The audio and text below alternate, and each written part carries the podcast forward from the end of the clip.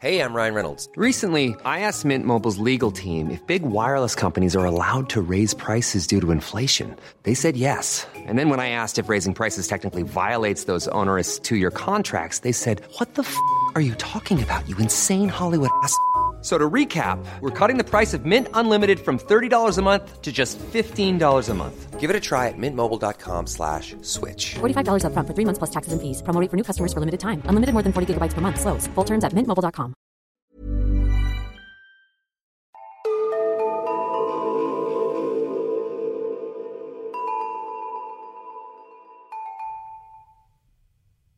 Hej och välkomna till Nära ögat, en true crime-podd för mesar. Mitt namn är Alexandra Kentsdottir. Och jag heter Amelia Ingman. Och välkomna till avsnitt 75. Ja, och udda avsnitt är lika med min dag. Så skönt för mig. Ja. Bara få sitta här och lyssna. ja, det är faktiskt ganska lyxigt när det är den andras tur. Då kommer man bara sitta här och chilla och få en underbar historia live. Ja, och jag vet inte om du har hört talas om det här fallet idag. Jag kände inte igen det tidigare i alla fall. Och eh, jag vet inte, ska vi bara köra igång direkt eller? Ja, låt oss. Vi kan ju påminna om att vi heter Närögat podd på Instagram och Facebook för er som vill gå in och kolla på bilder från dagens fall. Ja, och där uppskattar vi också jättemycket om ni skriver vad ni tycker om fallen. Om ni hade hört dem innan eller om ni bara vill diskutera något som vi tagit upp. Ja, vi älskar att höra vad ni tycker. Och glöm inte, har ni något tips så dela gärna det med oss. Ja, skicka DM på Insta är nog det enklaste sättet. Och vi kan vara lite halvdåliga på att svara ibland. Vi försöker svara på allt. Men vi läser allt, det ska ni veta. Det gör vi. Och vi uppskattar er. Jättemycket. Och nu så uppskattar jag att få luta mig tillbaka och lyssna på din historia.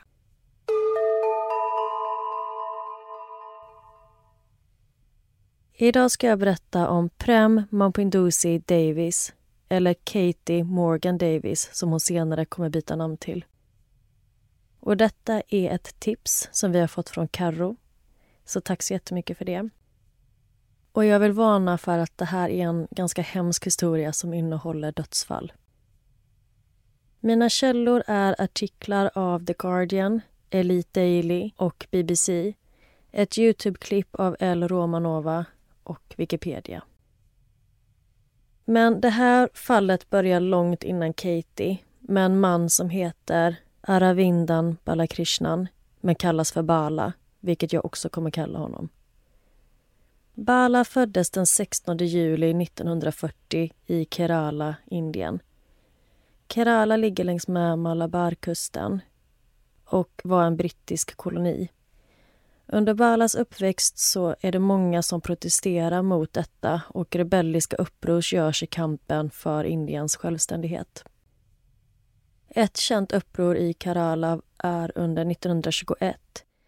Och I staden finns en hamn, men befolkningen i Kerala får inte dra nytta av den utan alla intäkter från hamnen går till Storbritanniens regering vilket såklart gör folket som bor där väldigt upprörda.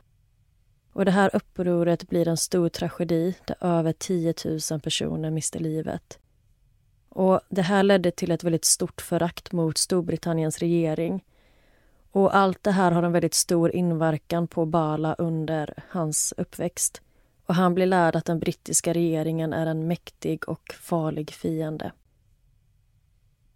En annan sak som Bala blir lärd som barn av sin mamma det är att han har superkrafter. Att han kan göra saker som andra människor inte kan. Mamman säger även att han ska vara försiktig med vad han säger och att han ska välja sina ord med omsorg. För om han förbannar någon så skulle denna förbannelse gå i uppfyllelse och leda till tragiska konsekvenser. Och hon gav honom smeknamnet Den svarta tungan. Så hela sin uppväxt blir Bala konstant påmind om hur speciell han är och att han är utvald till något större. Han tror att allt i världen existerar för honom och allt finns till för att göra honom nöjd. Och från en väldigt ung ålder så tror Bala att han kan göra precis vad han vill för han är den enda som betyder något. Och om någon säger eller gör något som han inte gillar så tror han att han kan använda sina krafter för att bestraffa dem. Och Bala tror att han kan få folk att börja brinna bara genom att titta på dem. Så Bala har en ganska ovanlig barndom och han tror på riktigt att han är den mest speciella personen på den här planeten. Och i efterhand så har folk spekulerat i att hans barndom kan ha lett till att han har utvecklat en narcissistisk personlighetsstörning. 1950, när Bala är tio år, så flyttar familjen från Indien till Singapore vilket också är en brittisk koloni vid den här tiden. I skolan beskrivs Bala som en toppelev och han får alltid högsta betyg. Och efter grundskolan så studerar han vidare vid Singapores universitet. Det pågår uppror mot Storbritanniens regering även här och Bala är under uppfattningen att Storbritannien är ett ondskefullt och fascistiskt land och alla som strider mot deras regering är den goda sidan. Och Bala börjar se sig själv som kommunist. 1963 får Bala ett stipendium för att studera vid London School of Economics, vilket han tackar ja till. Och Det här kanske är lite förvånande i och med hans bild av Storbritannien. Men Bala flyttar till London och börjar studera där. Under den här tiden går han även med i ett kommunistiskt parti och lär sig allt mer om kommunism. Han lär sig först om marxismen men efter ett tag börjar han sympatisera mer för Mao Zedong som är ordförande för det kinesiska kommunistpartiet. Mao utvecklade maoism och enligt maoismen så menar man att klasskampen fortgår även i det socialistiska samhället som följer efter revolutionen. Och De som följer maoismen kallas för maoister och de tycker att hela världen ska ledas av Mao Zedong. Och för att nå detta målet så ska de erövra världen genom militäriska handlingar. Och jag har verkligen inte bra koll på det här så bli inte upprörda om jag fått någonting om bakfoten. Men det här är bara för att lägga grunden kring Balas politiska engagemang. Det finns maoister i UK och de vill etablera den här regimen i Storbritannien. En av dessa personer är Bala och han ser upp till och beundrar Mao Zedong och det verkar som att Bala vänder kinden till allt det dåliga som Mao gjort. Bland annat så gjorde Mao en jordreform som kallades för det stora språnget. Och den här ledde till en stor svältkatastrof där flera tiotals miljoner människor miste livet. Och Det är olika uppgifter i olika källor men det vissa säger upp till 45 miljoner människor. Men Bala bryr sig inte om det här utan han fokuserar bara på den här makten som Mao Zedong har. Och Bala inser att han också vill ha en sån makt över människor och det här blir hans mål i livet. Han blir snabbt en aktiv medlem i det kommunistiska partiet och han börjar hålla tal och ta på sig en ledarroll inom gruppen.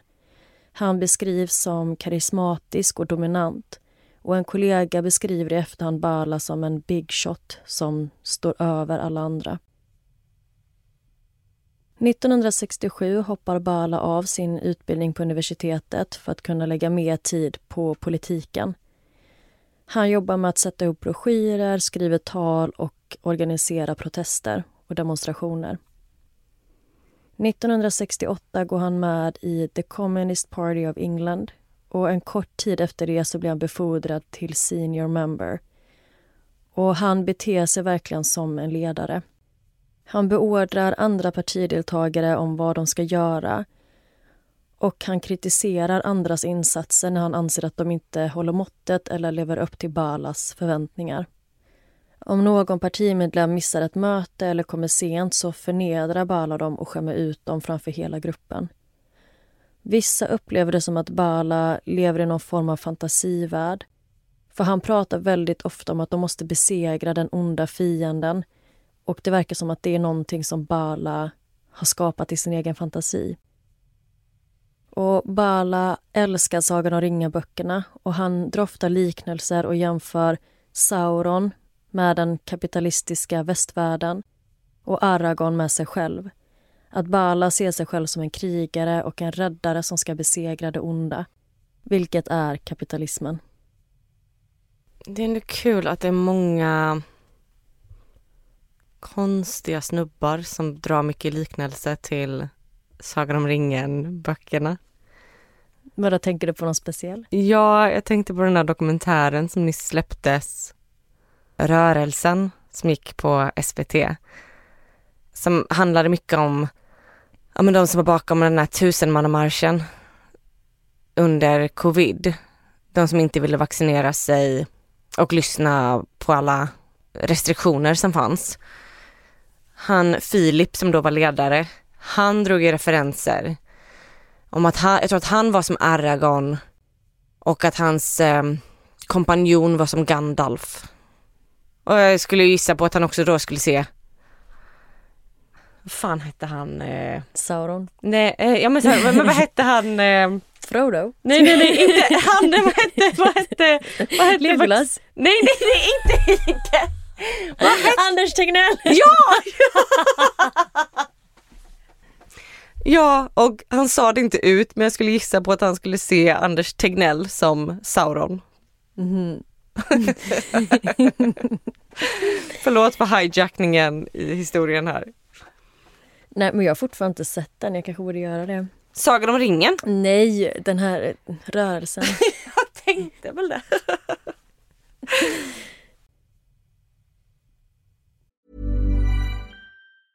I'm Sandra, and I'm just the professional your small business was looking for. But you didn't hire me because you didn't use LinkedIn jobs. LinkedIn has professionals you can't find anywhere else, including those who aren't actively looking for a new job but might be open to the perfect role, like me.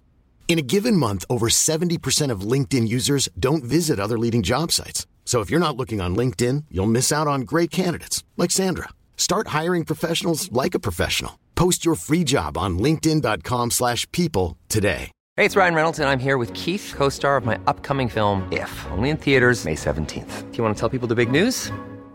Right, I'll do. Sign up now and you'll get unlimited for $15 a month in six months of Paramount Plus Essential Plan on us. Mintmobile.com slash switch. Upfront payment of $45 equivalent to $15 per month. Unlimited over 40 gigabytes per month. Face lower speeds. Videos at 480p. Active Mint customers by 531.24 get six months of Paramount Plus Essential Plan. Auto renews after six months. Offer ends May 31st, 2024. Separate Paramount Plus registration required. Terms and conditions apply if rated PG. Till en början är Bala bara en del av partiet. Han engagerade sig på olika sätt men efter ett tag så var inte det tillräckligt för honom. Utan han vill själv bli en stor ledare, likt Mao Zedong, fast i Storbritannien. Han pratar om en stor revolution och skriver om hur den faktiskt ska ske i olika kampanjblad medan andra i partiet bara pratar teoretiskt om det. Bala har även visioner om att Mao en dag ska komma och invadera Storbritannien, överta regimen och etablera maoismen. Och Bala får en del anhängare som håller med om hans visioner och åsikter. Och de kommer främst från Malaysia och Singapore. De är inte jättemånga, ungefär 20 stycken, men de är väldigt lojala. En av Balas mest lojala anhängare är Aisha Warhab som kom till UK 1968 när hon var 24 år. Anledningen till att hon flyttade dit var för att hon fick ett stipendium. Men en dag så får hon möjlighet att gå och lyssna på ett av Balas tal och då blir hon helt tagen av hans charm och karisma och hon dras snabbt in i hans ideal och tankar. Så hon väljer att hoppa av sin utbildning och istället följa Bala. Och hon tycker att han är fantastisk och att han får sina följare att skingra sina tankar och se klart med vad de vill få ut av sina liv. En annan kvinna som faller för Balas skärm är Chanda Patni. Hon studerar också vid London School of Economics, samma som Bala. Chanda kommer också från Indien men hon har spenderat större delen av sin uppväxt i Tanzania. Kort efter att Chanda blir en av Balas anhängare så inleder de en romantisk relation. Och 1971, när Chanda är 25 år och Bala 31, så gifter de sig. 1972 flyttar Bala till Brixton och grundar ett kollektiv. Tanken är att alla i kollektivet ska vara med och bestämma och tillsammans driva det. Men i själva verket så är det Bala som styr allt. Och Det här kollektivet lever bara i två år. Och 1974 så gör Bala om det här kollektivet och kallar det numera för The Workers Institute, eller The Collective. Till en början så bor Bala där med sin fru Shanda och anhängaren Aisha. Men allt eftersom så får han fler och fler av sina anhängare att flytta in där genom att övertala dem i sina tal. Och över 20 personer ansluter. Men de måste betala för sina medlemskap. Och det är oklart vad Bala använde alla pengarna till. Men han menar att medlemskapsavgiften täckte hyra, mat och andra räkningar.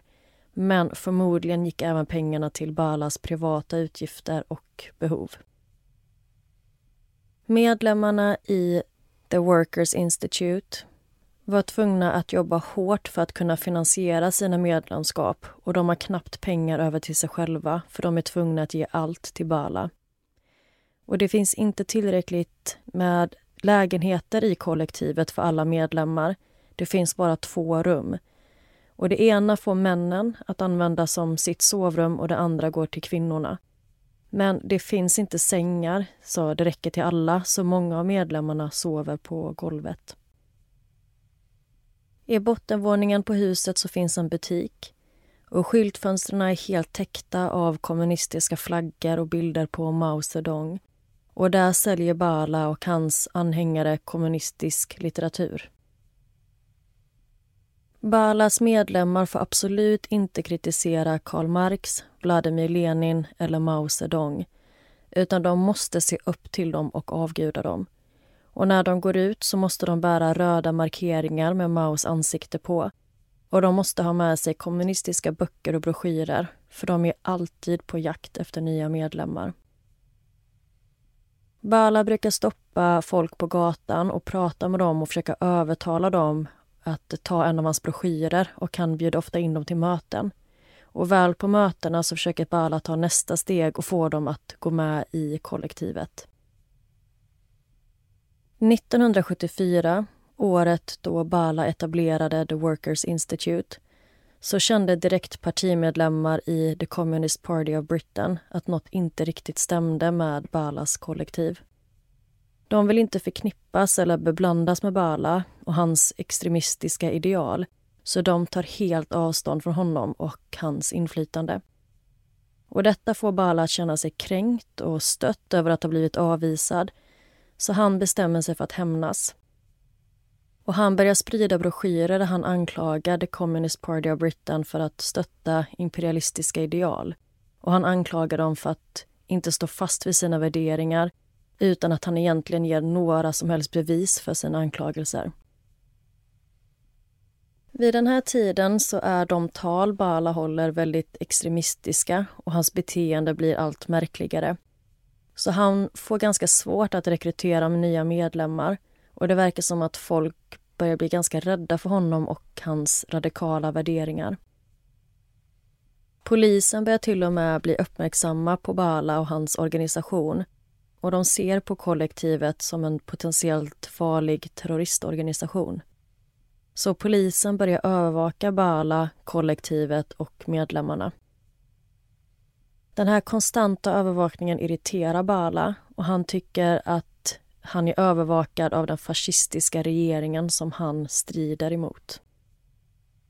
1976 ansluter Josephine Harrivel, eller Josie som hon kallas, till The Workers Institute. Hon är dotter till en känd forskare, John Herivel och han är en av de som knäckte nazisternas enigmakod.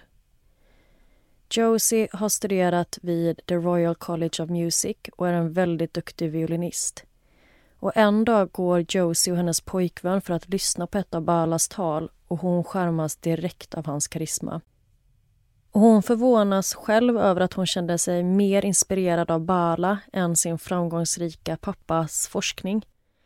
Så Josie börjar bära bråskär med Maos ansikte på till universitetet och där blir hon ombedd att sluta bära dem och ta av sig dem. Men hon vägrar, vilket leder till att hon blir avstängd från skolan. Josie börjar då jobba på en klädtvätt och hon ger alla sina pengar till kollektivet. Hennes familj är chockade över det här. Framförallt för att de är väldigt patriotiska men också för att det är väldigt oväntat och de förstår sig inte på Josies beteende. Och Det slutar med att de skriver ut Josie ur familjens testamente. Men Josie har vid det här laget redan hittat en ny familj. 1977 börjar Singapores regering misstänka att Bala och hans Workers Institute i smyg konspirera mot Singapores premiärminister. Det finns ingen bevisning som stödjer detta utan det är bara en misstanke. Men de väljer att ta det säkra före det osäkra och dra tillbaka Balas medborgarskap i Singapore.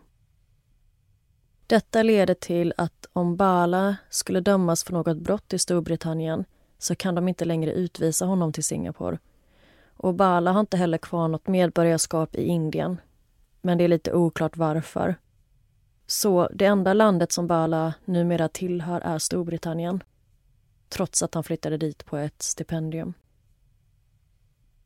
Bala börjar uppleva problem med psykisk ohälsa och under 1974 så ska han ha lagts in på en psykiatrisk avdelning men han blev snabbt utskriven. Bala säger till sina anhängare att detta är en del av hans stora plan. Att han bara låtsats att han haft problem så att han skulle kunna bli skickad till sjukhuset för att där kunna studera hur det ser ut och hur det går till.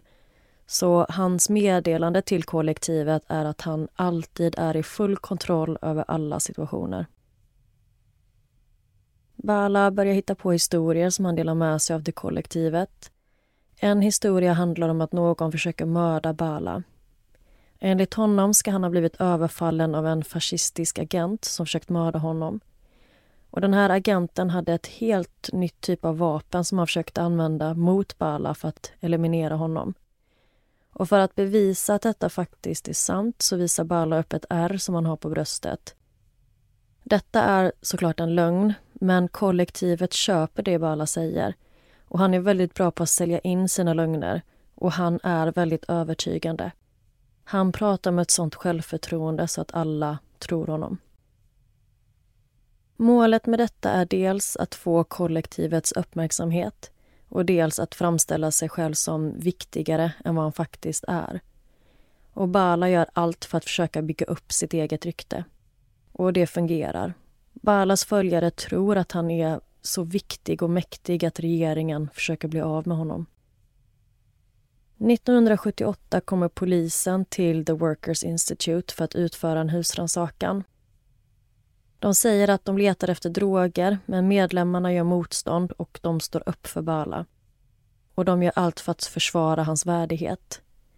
Medlemmarna tror att det är regeringen som skickat dit polisen för att försöka sätta stopp för deras politiska engagemang. Och Balas fru Chanda förlorar nästan sitt öga i den här kampen. Och det är på den nivån de gör motstånd. Så det är en extrem tumult. Men de lyckas inte stoppa polisen som utför sin husrannsakan. Men de hittar varken några droger eller extremistisk litteratur. Men nio stycken av medlemmarna häktas för att ha attackerat poliser. Och Bala är en av dem.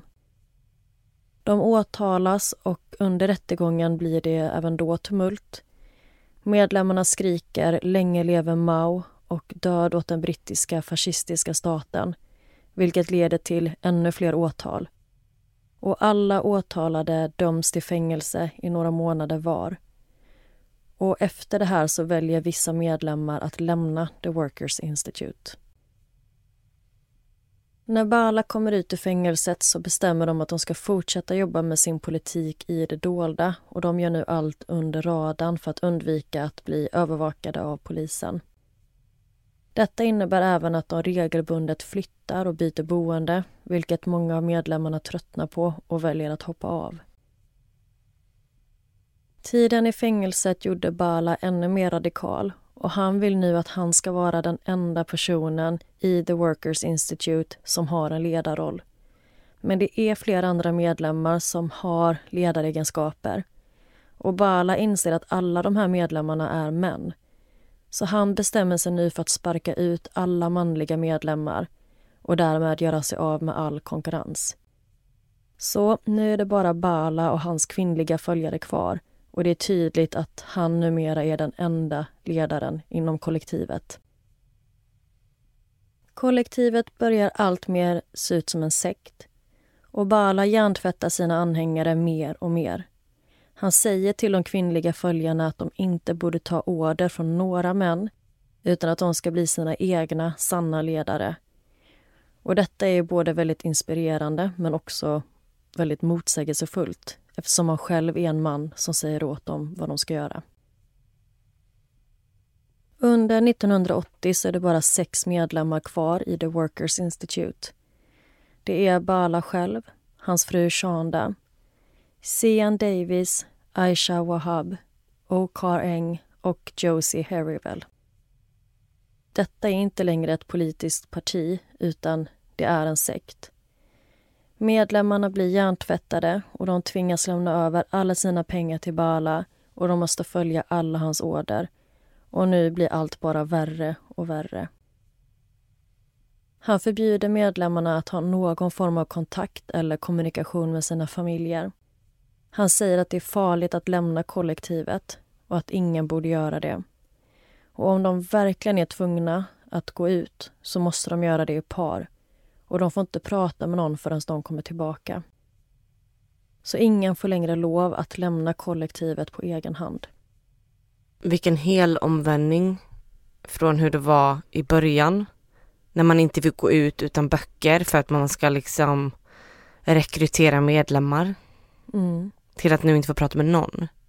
Nej, precis. De måste vara knäpptysta från att de lämnar kollektivet tills att de kommer tillbaka. Och De får heller inte använda sina telefoner själva längre utan de får bara lov att göra det under Balas tillsyn.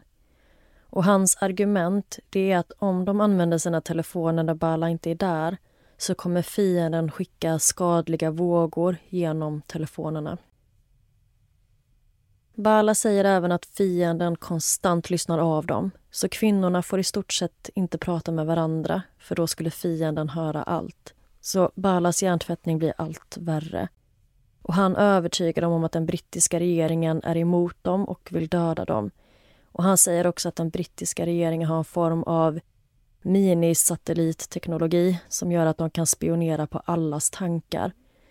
Så de måste hålla sig gömda inne i lägenheten. Allt annat är farligt.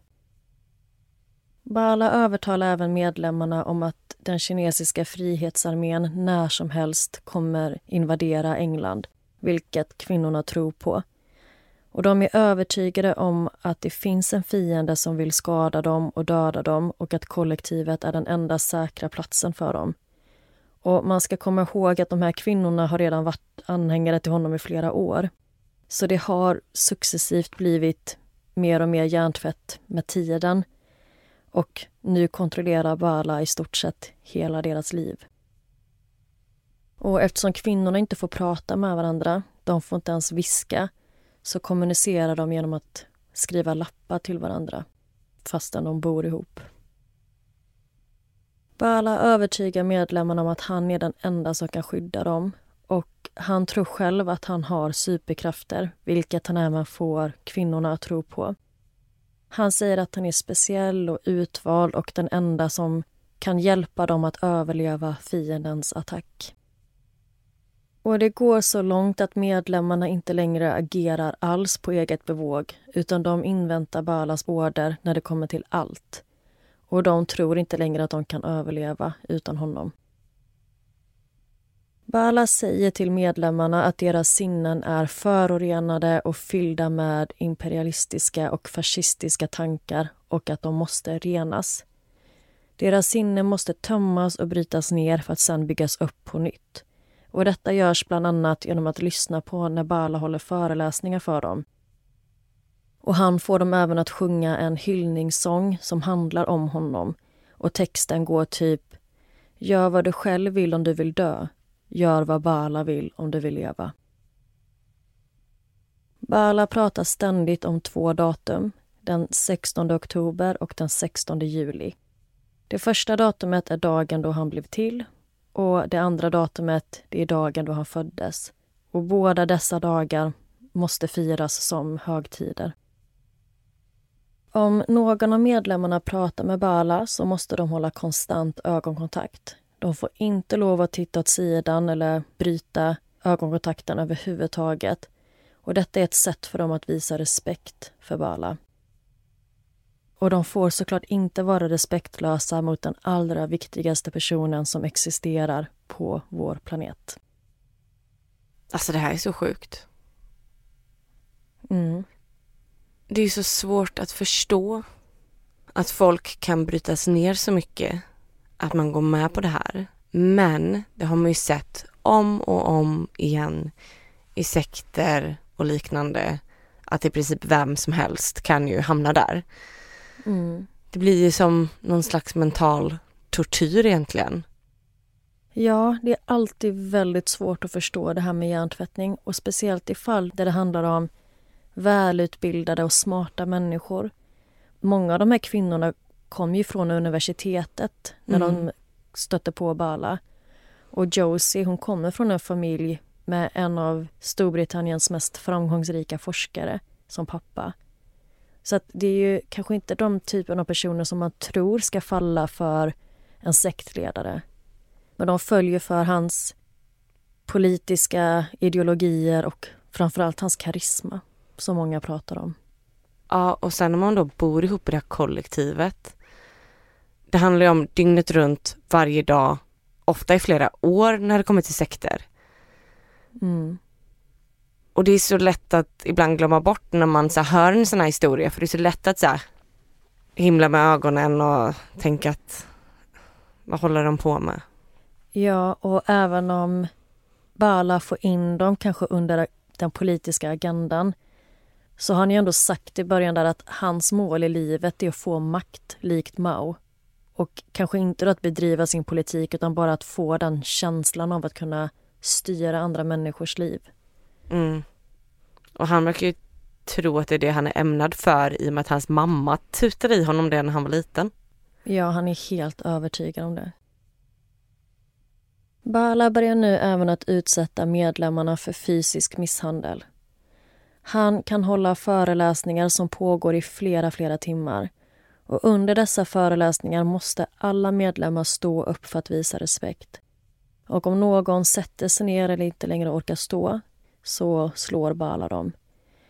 Och Bala slutar se sina anhängare som medmänniskor utan han behandlar dem numera som sina tjänare. De måste göra allt för honom. Laga mat, städa och göra allt han ber om. Den fysiska misshandeln blir bara värre och värre och Bala slår dem så fort han upplever minsta tecken på olydnad. Han oroar sig aldrig för att medlemmarna ska göra något mot honom eftersom de är så hjärntvättade. Och han oroar sig aldrig för att de ska ringa polisen eftersom polisen anses vara fienden. Bala känner sig allt mer kraftfull och han kan göra exakt vad han vill mot dem. Och Bala börjar nu även förgripa sig på kvinnorna och utnyttja dem sexuellt. Och han säger till dem att hans sperma är livets elixir. Och genom att få i sig det så renas deras sinnen och kroppar. Och om någon försöker vägra ha sex med honom så slår han dem. Alltså jag himlar så mycket med ögonen här borta. Mm. Det här är så klassiskt sektbeteende. Att hans sperma är livets elixir. Ja, jag vet. Det är så sjukt. Jag förstår inte.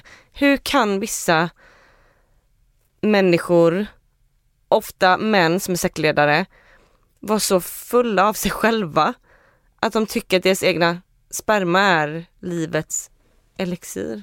Tror du de tror på det själva? Ja, alltså jag tror att de tror på det själva. Ja, det är faktiskt helt sjukt. Eller om de tror på det själva så borde de ju smaka på sin egen sperma. I don't know. Ja, jag vet faktiskt inte om Bala gjorde det. Jag skulle inte förvåna mig. Och allt Bala gör, alla övergrepp och misshandel menar han att han gör av en anledning. Och det är för att rena deras sinnen från imperialistiska och fascistiska tankar samt materiella behov. Och när han ger sig på en av kvinnorna så tvingar han de andra att titta på. Och detta för att de ska bli ännu mer rädda för honom. Kvinnorna vågar som sagt inte lämna men även om de skulle göra det så är det väldigt svårt för dem. För Bala har tagit deras pass och ID. De har inga pengar och de har inte längre någon kontakt med sina familjer eller vänner så de har ingen att vända sig till för att be om hjälp. Bala hittar hela tiden på nya skrämseltekniker. Och han berättar om ett nytt typ av krigsvapen och den här maskinen kontrollerar allt som händer i världen. Men passande nog så är den osynlig. Och Bala är den enda som kan kontrollera den här maskinen. Och han säger till medlemmarna att om de säger, gör eller ens tänker fel saker så kommer den här maskinen att skada dem eller till och med döda dem. Och när Bala misshandlar kvinnorna så tycker den här krigsmaskinen att det är ett tillräckligt straff. Så då behöver inte maskinen i sin tur skada dem. Så kvinnorna borde vara tacksamma över att Bala bestraffar dem och inte maskinen. Och genom att han slår dem så skyddar han dem. Bala säger att krigsmaskinen är ansvarig för alla katastrofer som sker i världen. Och eftersom Bala kontrollerar maskinen så är det han som ligger bakom allt.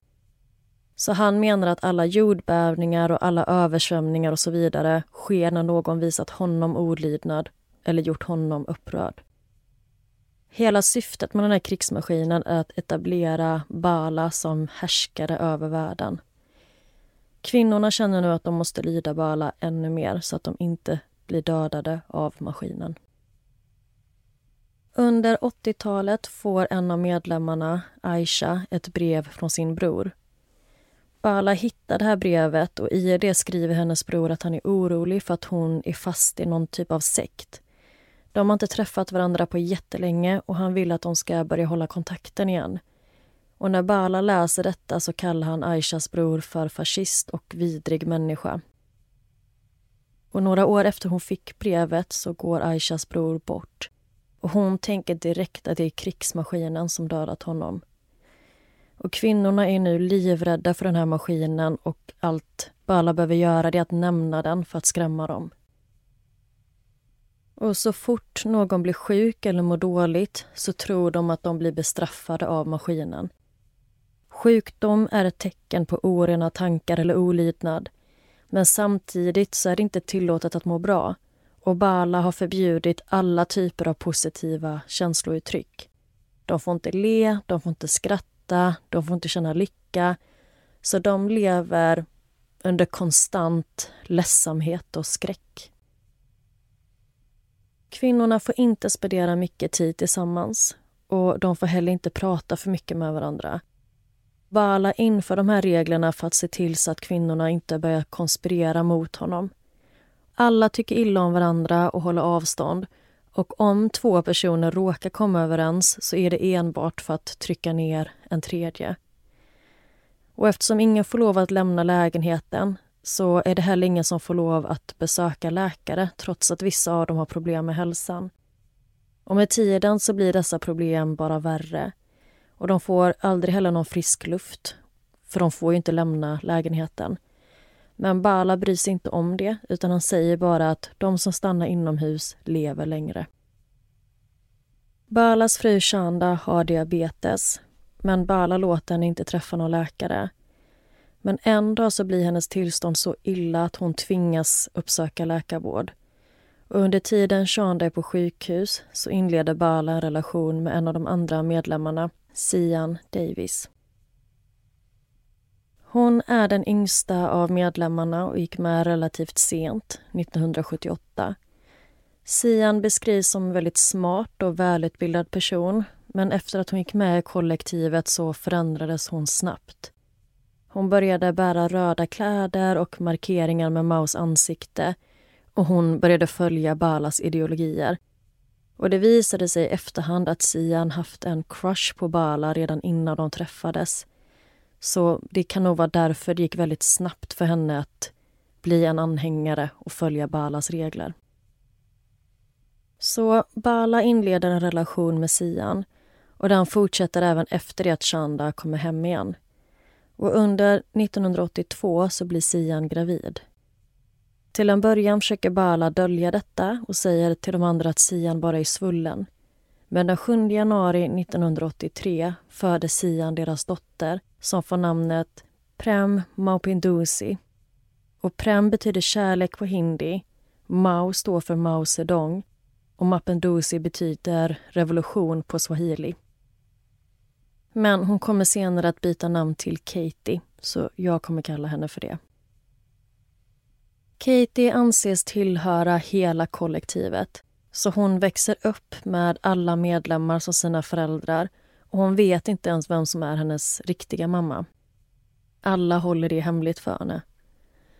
Bala säger att Katie skapades av maskinen och att det var krigsmaskinen som gjort Sian gravid, inte han. Och eftersom Katie skapats av maskinen så har även hon speciella krafter. Och när Katie blir ledsen eller upprörd så är det ett tecken på att någon retat upp maskinen och Bala skyller det på kvinnorna. Och han menar att någon av dem har gjort fel. Det är därför barnet gråter. Och därför måste han bestraffa dem och slå dem.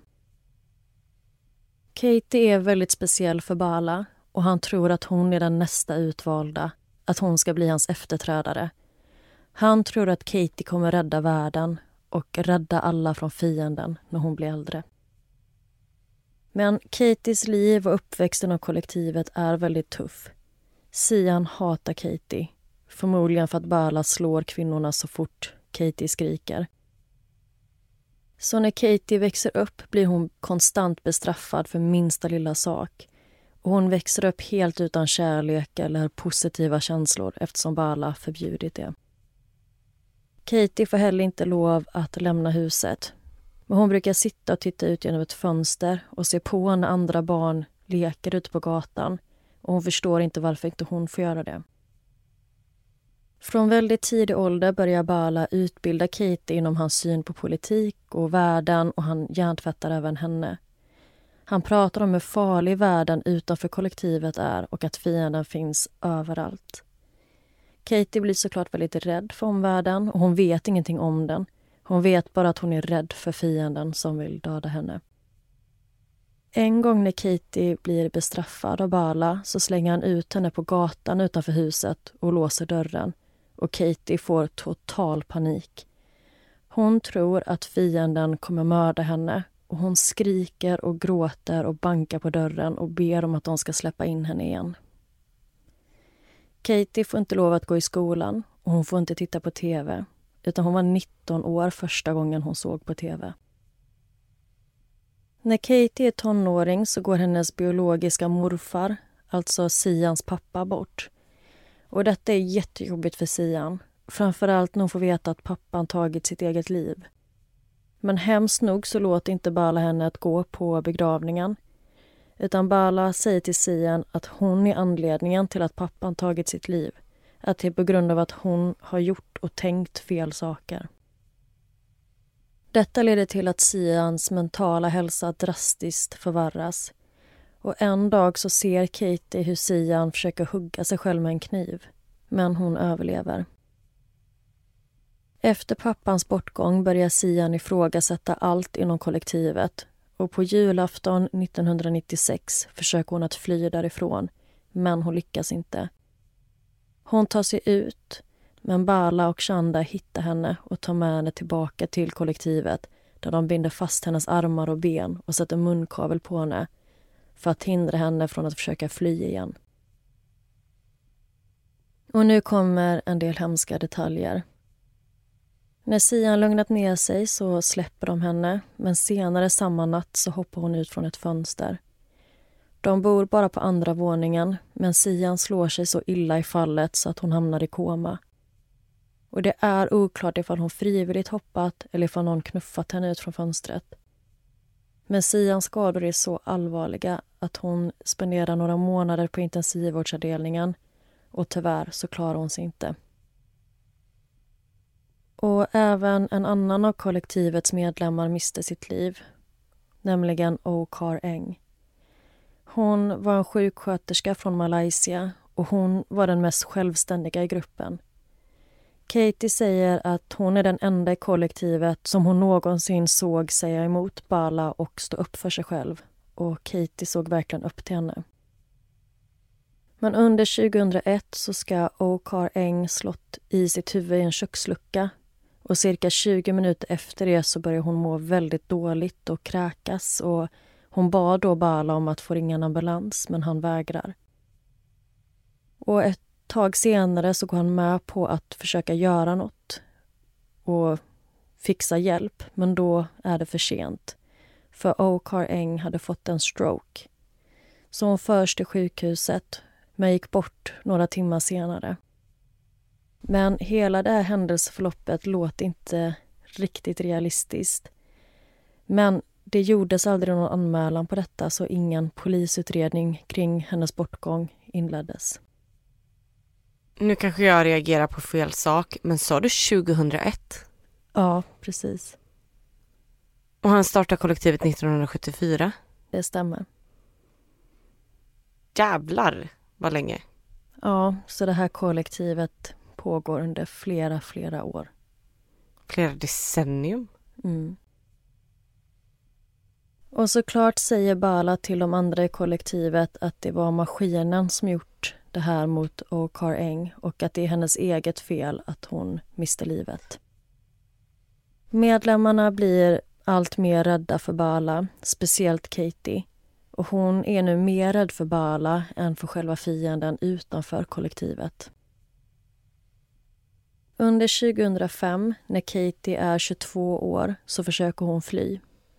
Hon kan allas scheman, så hon väntar tills Aisha och Josie är upptagna. Och när Bala går på toaletten så ser hon sin chans och springer ut därifrån. Hon har ingen aning om vart hon ska ta vägen för det här är första gången hon någonsin lämnar kollektivet och går ut. Med undantag för den där gången som hon blev utelåst. Men hon lyckas hitta en polisstation och där ber hon polisen om hjälp. Men hon får ingen hjälp. Polisen tror inte på hennes historia utan Katie säger i efterhand att det verkar som att polisen såg på henne som en stökig ungdom som bara rymt hemifrån. Så polisen väljer att ringa till Bala och berätta om att de har Katie på polisstationen. Så Bala är väldigt trevlig och artig under samtalet och ber om ursäkt till polisen och säger att han ska komma och hämta sin dotter på direkten. Bala kommer till polisstationen och hämtar hem Katie igen. Och väl hemma så kallar han henne för fascist, förrädare och misshandlar henne. Så Katie är nu fast i kollektivet igen. Katie utvecklar diabetes men Bala vägrar låta henne uppsöka läkarvård. Så Katies tillstånd försämras, vilket Josie märker så hon bestämmer sig för att hjälpa Katie. En dag ser Josie ett hjälpnummer på nyheterna som hon memorerar. Hon köper sedan den billigaste telefonen som hon kan hitta och hon håller den gömd från de andra. Och en kväll när Bala och Chanda kollar på tv så ringer hon det här numret. Personen som Josie talar med tar all hennes information och meddelar om att en polis nu väntar på dem utanför hemmet. Så Katie och Josie måste nu försöka fly ännu en gång, men de är livrädda. De vet att om Shanda eller Bala får tag på dem så kommer de bli brutalt bestraffade. Men till sist så samlar de tillräckligt mycket mod till sig och rymmer ut från hemmet och springer till polisen som väntar en bit bort och för dem till säkerhet. Så i oktober 2013, när Katie är 30 år, så blir de äntligen räddade. Alltså dottern är 30 år? Ja. Men hur gamla är de andra nu? Han föddes 1940, sa du det? Ja, precis. Han föddes 1940. Och jag kan inte exakt åldern på alla de här kvinnorna men jag tror att de är liksom i 60-årsåldern när räddningen kommer. Men han borde vara 73, då 2013.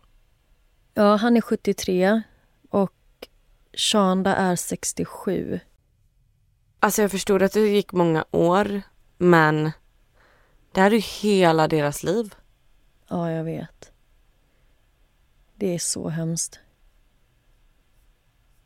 Och efter det att Josie och Katie eh, sprungit ut till polisen så räddas även Aisha ur kollektivet. Bala och Shanda grips av polisen den dagen. Och Anledningen till att Shanda grips är för att polisen misstänker att hon har varit delaktig i att bedriva den här sekten.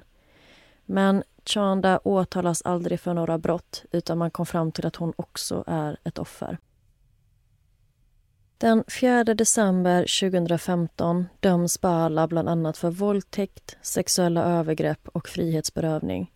Och den 29 januari 2016 får han sitt straff och han döms till 23 års fängelse. Josie närvarade under rättegången och när Bala fick sin dom så skrek hon ni dömer en oskyldig man, skäms på er. Och Josie stöttar fortfarande Bala, vilket även hans fru Chanda gör. Och Bala dog i fängelset 2022. Efter räddningen så har Katie ingen aning om hur livet fungerar i den riktiga världen. Och hon vet inte hur man kommunicerar med andra eller hur man använder sig av saker som kanske känns självklara för oss andra. Hon beskriver exempelvis hur svårt det var att lära sig använda hushållsmaskiner. Men Katie anpassar sig sakta men säkert till den riktiga världen och hon gör sitt bästa för att lämna sitt förflutna bakom sig. Och hon har gjort fantastiska framsteg. Hon studerar engelska och matematik på college och har nyligen flyttat från ett stödboende till sin egen lägenhet. Och I en intervju från 2018 så fick Katie frågor om sin pappa och hon berättade att han fortfarande anser att han inte gjort något fel. Och när hon får frågan om ifall hon skulle kunna tänka sig att ha kontakt med Bala idag och detta var då innan han gick bort så svarar hon efter en kort paus att ja, det skulle hon så länge de är jämlika och inte under de förhållanden som varit tidigare. Och Hon säger även att jag brukade hata honom, men inte längre. Nelson Mandela sa att du fortfarande är i fängelse om du håller fast vid din ilska, hat och bitterhet. Så det finns ingen plats för det i mitt liv. Jag skulle vilja göra upp med honom i framtiden om han vill det. Men det kan inte klappa på egen hand. Och det var berättelsen om Prem Mapinduzi Davis eller Katie Morgan Davis.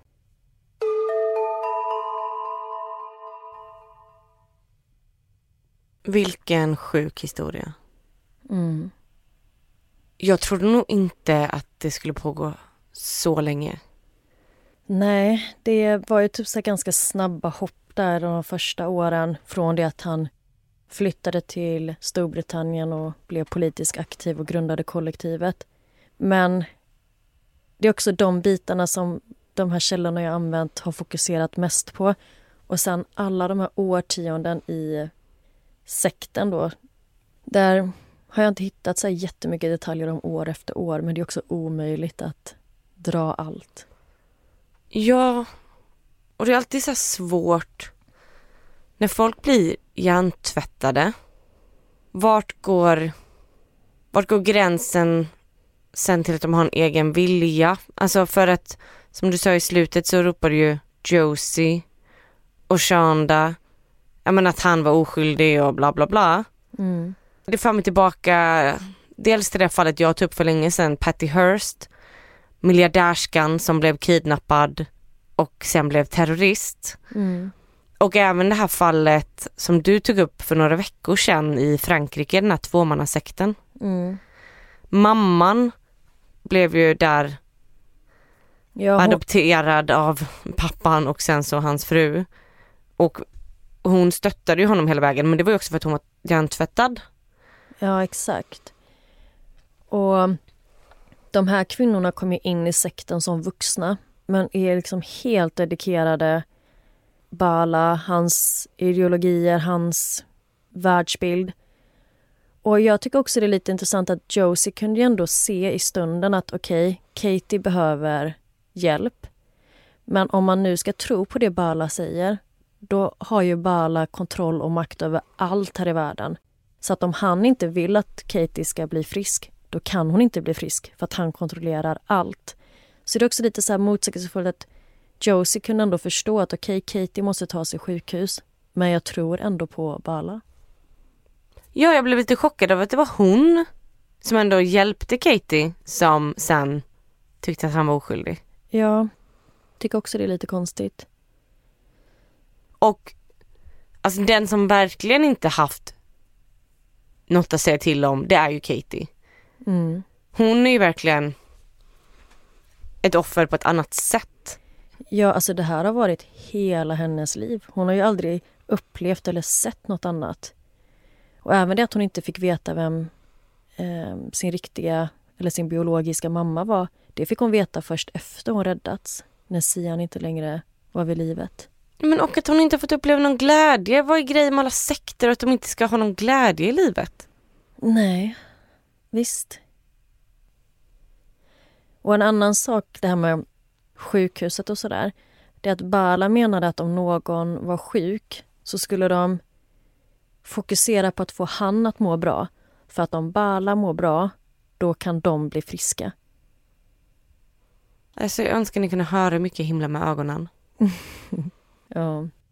Men en annan sak som många av mina källor tar upp och som många medier har skrivit om det är hur kunde detta pågå utan att någon märkte något? Mm. För att de bor ju centralt, de bor i ett lägenhetshus. Det är ju inte som att de är helt isolerade. Och nu kanske inte de gjorde så mycket väsen av sig så, men att ja, ingen misstänkte något. Ja, men att de fick ett barn som aldrig var ute, som inte gick i skola. Nej. Och Sians bror misstänkte ju att hon kanske hade hamnat i någon sekt och jag tänker de här förra medlemmarna som har lämnat att... Jag vet inte. Att ingen gick till polisen. Eller det kanske de gjorde men att det ledde ju inte till någon räddning. Det känns som att det var mycket att folk gick med i sekter på 70-talet. Mm. Men att det höll i sig så länge. Ja, men är man fast i det och är man under den här makten och hjärntvätten så ja, det är kanske inte så lätt att ta sig ur. Nej men också så att ingen såg det utifrån då. Ja, du tänker så. Nej, det är jättesjukt. Och så här, ja han fick 23 års fängelse. Men hans dotter är 33 eller vad hon nu var. Han börjar få minst det dubbla, alltså han börjar få minst typ 60 år för det känns som att det är det han har tagit från de här kvinnorna. Jag vet, jag tänkte också på det. För Katie föddes ju inte första året i den här sekten och hon blev ändå 30. Så jag reagerade också på hur lågt straff han faktiskt fick. Kan det vara att det här var Storbritannien och inte USA? Det känns som vi brukar prata om sekter i USA. Kanske. Att man så fort man jämför något straff med straffen som sker där så känns det ju ingenting. Ja men då känns det som att de skulle fått så här 5000 år plus livstid. Ja exakt, tusen år för varje sektmedlem. Ja men var det inte Ariel Castro som fick så här jättemånga hundra år? Jo. Och jag vill bara dra bakgrunden till Katies nya namn, alltså varför hon valde Katie. Mm. Och hon döptes ju som sagt till Prem Maupindiso som betyder Love Revolution, eller kärleksrevolution på hindi och swahili. Och när hon valde sitt nya namn så sa hon att hon hade inspirerats av Katy Perry-låten Roar. Och den låten handlar om egenmakt och att hitta sin egen röst. Och hon säger även att den handlar om att inte bli nedtryckt och att komma upp tillbaka och stå för sig själv. Så det var därför hon valde namnet Katie. Att hon blev inspirerad av Katy Perrys låt Roar och han började den här kollektivsektgrejen 1974. Alltså det visar ju bara vilket tidsspann vi pratar om. Mm. Och hon har levt i tystnad i 30 år. De fick inte ens prata med varandra.